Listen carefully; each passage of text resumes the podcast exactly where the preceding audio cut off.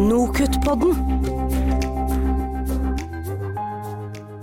De siste ukene har nivået på norske studenter nok en gang vært oppe til diskusjon.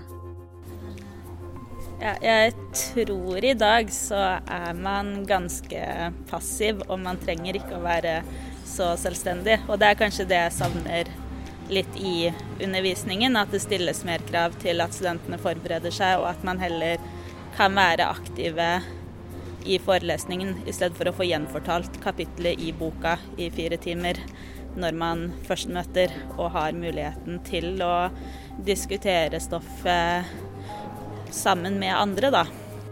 Spørsmålet er om mange av disse diskusjonene holdes i live ved hjelp av et eh, tradisjonelt eller konservativt syn på studentenes rolle og undervisernes rolle når de kommer til læring.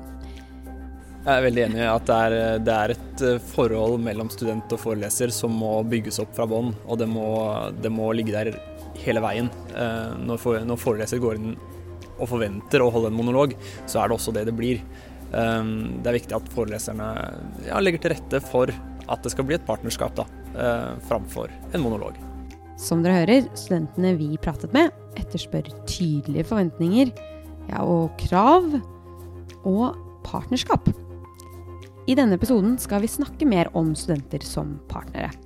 Vi skal også møte en underviser som har funnet en metode som utfordrer maktforholdet mellom underviser og student. Kollega i NOKUT, Helen Bråten, er lidenskapelig opptatt av studentene som drivere i utvikling av høyere utdanning. Hun mener at studentenes og undervisernes roller avgjøres av hvilket læringssyn vi tar for oss. Ikke sant? Jeg tenker jo at dette handler jo på mange måter om hvordan vi ser på læring. Eh, og hvordan vi tenker at læring skjer. Før så tenkte vi kanskje mer at læring var på en måte overføring av kunnskap. At studentene kom som tomme bokser og skulle fylles av kunnskap av en eller annen foreleser som sto der nettopp og hadde en monolog, kanskje i mye mer større grad. Mens nå tenker vi at læring skjer mye mer i det samarbeidet og samvirket som er mellom studentene og undervisere og miljøet rundt. Eh, og at studentene må være aktiv deltaker i den kulturen, og det å invitere andre inn i sin tenkning er kanskje det som er viktig for å stimulere læring. Da. Og hvis vi da tenker at undervisning handler om å tilrettelegge nettopp for at studentene skal lære, så må vi kanskje tenke at læring skjer gjennom aktiv deltakelse både i et fellesskap og i en kultur. Og da må vi også tilpasse læringsmål og læringsstrategier og lærings- og undervisningsformer til det, da. Og da blir det en litt annen situasjon, som handler mye mer om samarbeid. En forskningsgren som har vokst seg stadig sterkere, spesielt i engelskspråklige land, er den rundt studentengasjement, eller student engagement. Forskere herfra mener at studenter må bli hørt og få lov til å forme sin egen utdanning gjennom å få bidra i studieprogramdesign, utviklingen av pedagogiske ressurser osv. Studentengasjement er en forutsetning for læring, mener de. Vi snakker om grader av eh, studentengasjement, så man ofte snakker om en sånn eh, en trapp. Hvor man kan måte, gå steg for steg. Og den, den, aller høyeste graden av involvering eller studentengasjement er liksom helt på toppen. Mm. Og det er det som blir kalt for studenter som partnere. At man har en mer sånn partnerskapstanke rundt forholdet mellom underviser og student, som i veldig stor grad er med på rive ned, eller i hvert fall bygge ned, det litt tradisjonelle synet. Og på engelsk heter det jo 'student as partners'. Det er jo en slags læringsfilosofi. Ja, på en måte kan man jo si det. At det er på en måte en måte å gjøre ting på mer enn eh, utfallet i seg selv. Og hvor vi kanskje tradisjonelt har sett at vi gjør ting for studentene, så skal vi gjøre ting med studentene nå. At de er med å samskape. Co-producers, co-creators, alle disse fancy ordene Masse dukker opp. Masse fancy engelske ord. eh, samskapere på norsk. Eh, men at de er involvert. Og dette henger jo også sammen med læringssynet, Hvis vi tenker at studentene lærer mer når de er med i prosessene, de er med i en kultur, så må de også være med å skape og sette agendaen og og ja, utvikle. forme, mm. utvikle studieprogram, studieprogramdesign og læringsressurser. Og det betyr jo ikke nødvendigvis at i et likeverdig partnerskap at man bidrar med akkurat like ting. Eh, men studentene er mer eksperter på sin egen læring og sin situasjon og hvordan de lærer og hva de trenger. Mens kanskje de som jobber på universiteter og høyskoler, er mer eksperter på liksom kunnskapen og Fag. forskningen og faget. Ja. For det er viktig å understreke, ikke sant? At det er ikke noe sånn Man er partnere, men man har med seg ulike ferdigheter, egenskaper, inn i partnerskapet. Så det er mange som kanskje misforstår dette Student as Partners som en sånn Nå skal studentene inn og rokke borti Ta over. fag. Ja, men det er jo ikke å komme fra at det er på en måte Det utfordrer jo makten. Makten som kanskje hele tiden har ligget hos underviserne og foreleserne og professorene. Nå må man slippe studentene til. Eh, og at de får en mye sterkere stemme, da. Så det ligger jo også litt sånn demokratiske verdier inn i dette konseptet. Det er jo viktig det òg, at de får være med og ha en stemme inn i prosessen og ting som angår de. En som har sluppet til studentene, er førsteamanuensis ved Norges musikkhøgskole, Kristin Kjølberg. Hun benytter en metode for tilbakemeldinger i sin undervisning, som kalles for Critical Response Process, eller CRP. Det er bedre å ha en skrue løs enn å være så gjenskrudd at man ikke er åpen for noe, ja. Det er bra motto.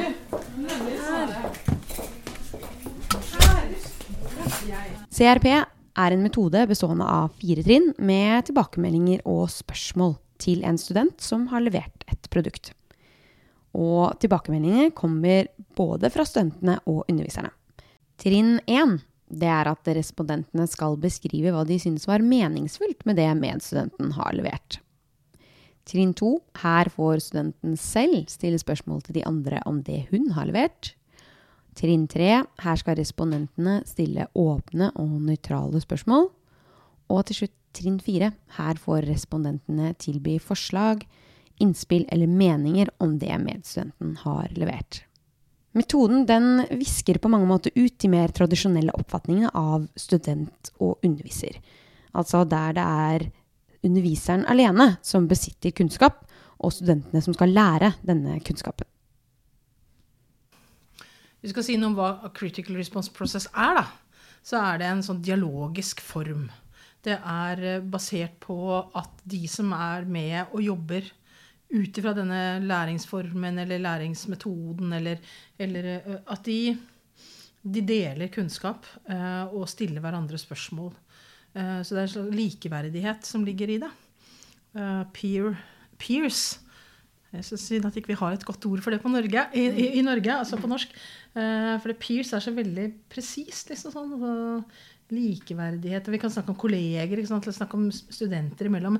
Men, men her er jo nettopp poenget at det, uansett hvilken status du har, eller hvilken rolle du har, så går man inn i en, en, avtale om at det som kommer fram, er, har lik verdi. Da. Kjølberg innrømmer at eh, mer likestilling mellom student og underviser ikke bare er helt enkelt for underviseren. I det øyeblikket man plutselig tar, tar inn gruppen da, eh, og tar med medstudenter, så, så er det plutselig mange andre stemmer. Uh, kan være litt utfordrende noen ganger. Når man sitter som lærer og kjenner at jeg, jeg vet hvordan dette skal gjøres. Jeg vet eh, jeg har såpass mye erfaring at jeg vet liksom hva som er de neste skrittene. Og så kan det komme en medstudent og foreslå noe helt annet. Og, og, og, og kanskje noe som strider mot det jeg mener er, er det riktige, da. Ikke sant? Kristin Kjølberg hun underviser i sang, men understreker at eh, metoden Critical Response Process den kan overføres og brukes til omtrent alle mulige fag. Fra hun oppdaget metoden til i dag, så har hun imidlertid brukt mye tid til å få den til å fungere, og hun er veldig tydelig på at disse trinnene, de fire trinnene altså, som jeg nevnte innledningsvis, de må ikke følges slavisk, men kan tilpasses det faget det undervises i, og studentene som deltar. Da jeg begynte liksom å bli interessert i dette altså, Det ble veldig demokratisk og veldig hyggelig. Ja. Men jeg fikk ikke brukt min kunnskap. Og så, kom, så drev de og famla litt. Og så ble det liksom, det var spennende, men det, det ble ikke det store læringsutbyttet av det. Og etter hvert så har jeg vel begynt å se hva det er som fungerer, og når. Uh, og ikke minst hvordan jeg kan bruke kunnskapen min. Da. Hvis jeg istedenfor å, å starte en, en time eh, med en gruppe, f.eks., et eller annet fag, starte med å si til da skal vi gå gjennom de og de og de og de, og de elementene. Men istedenfor uh, prøver å hente fram hva, Hvis jeg sier sånn og sånn, hva tenker dere? Hva handler dette om? Hva dreier det seg om? Kartlegge. Bare hente fram masse materiale. Uh, begynne å se på noen sammenhenger. Og så kommer det studentene med sine erfaringer eller sine tanker eller sine undringer. og sånt noe. Um, så kan jeg bruke kompetansen min f.eks. til å strukturere det ustrukturerte. Alle de ideene. ikke sant? Sette det sammen i noen kategorier. Ser dere at disse tingene henger sammen med La oss plassere det sammen. Um, uh, hjelpe de å konkludere. Hjelpe de til å se sammenhenger. Og, og at studentene da begynner å spørre.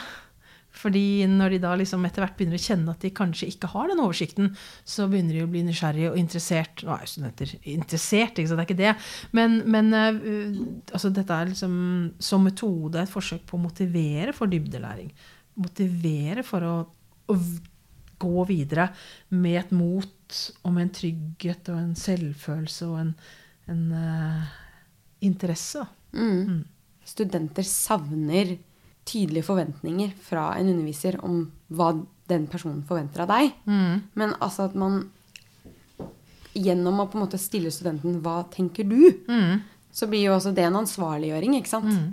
Og det tenker jeg jo at uh, ja, kan uh, hvis, man på en måte, hvis man åpner opp litt mer for sånne type filosofier som dette, mm. så vil det også komme en ja. tydeligere sånn bevisstgjøring. Både forventningene som dere har, ikke sant? Ja de studentene som kommer nå Hvilke forventninger de har til deg? Ja, ikke minst også. også altså, Kunnskapsløftet har jo lenge Altså, Kunnskapsløftet bygger jo på altså, elevene som eller de kommer fra videregående skole og gått i ungdomsskole, og sånt, så har de jo allerede eh, vært eh, eh utforskende. De har måttet konstruere egen kunnskap. De, de, de, er, alt, har, de er, ikke vant til tradisjonell eh, tavleundervisning eh, i så stor grad. Så, så, så, kommer de på universitetet, og så kan det hende at vi, eller på høyskoler, så det, kan det hende at ikke vi har vært med, Vi har ikke vært med på den utviklingen som de elevene har. Det, det, er liksom to ting. Det ene er liksom den friheten til faktisk å, å spille inn. Um, men det andre er at det har vært veldig mye De har, de har veldig mye um, dialog med læreren sin hele tiden om, og vurdering hele tiden. Vurdering for læring. Hva forventer vi nå? Denne oppgaven så skal dere gjøre sånn og sånn. Og det merker jeg også en slags kulturkrasj. Eh, fordi vi er vant til at det, det finner de ut selv. Mens eh, nå er det sånn som studentene de det er ikke sikkert de går inn selv og leser studieplanen sin, fordi de er vant til at de får det. Eh, og at dette skal vi jobbe med nå, denne perioden skal vi jobbe sånn og sånn. Og så jobber vi kanskje mye lenger. Men så tror jeg også at en del studenter når de kommer inn på universitet og høyskoler, altså, så har de kanskje noen forventninger også om at nå kommer vi til en mer sånn foreleserstyrt undervisning. Ja. Tradisjonell uh, Ja, og så får de på en måte den så, så kanskje de er litt for lydige noen ganger. Og ikke ikke krever av oss, da. Så på en måte, Noen studenter liksom etterlyser det, men, men jeg synes, altså, som har fulgt egne barn gjennom Kunnskapsløftet, jeg syns jo Jeg er litt overrasket over at ikke de, de forventer av oss som undervisere eh, at vi bruker noen av de læringsmetodene som de er vant til, og som man er veldig trent til å bruke i grunnskole og videregående skole også. Vil du vite mer om Critical Response Process? Vi har lagt ut lenker til denne episoden som du kan følge. Kristin fremførte også en live-demo av metoden under NOKUT-konferansen tilbake i 2016. Og det kan du også se i opptak. Hvis du syns det Helen Bråten snakket om var spennende, altså Student Engagement og Student as Partners, som det heter på norsk, så har vi lagt ut hele samtalen med henne i en tilleggsepisode. Tilbakemeldinger på Nokutpodden kan gis på Nokut sine Facebook-sider. Jeg heter Emilie Valvig. Vi høres!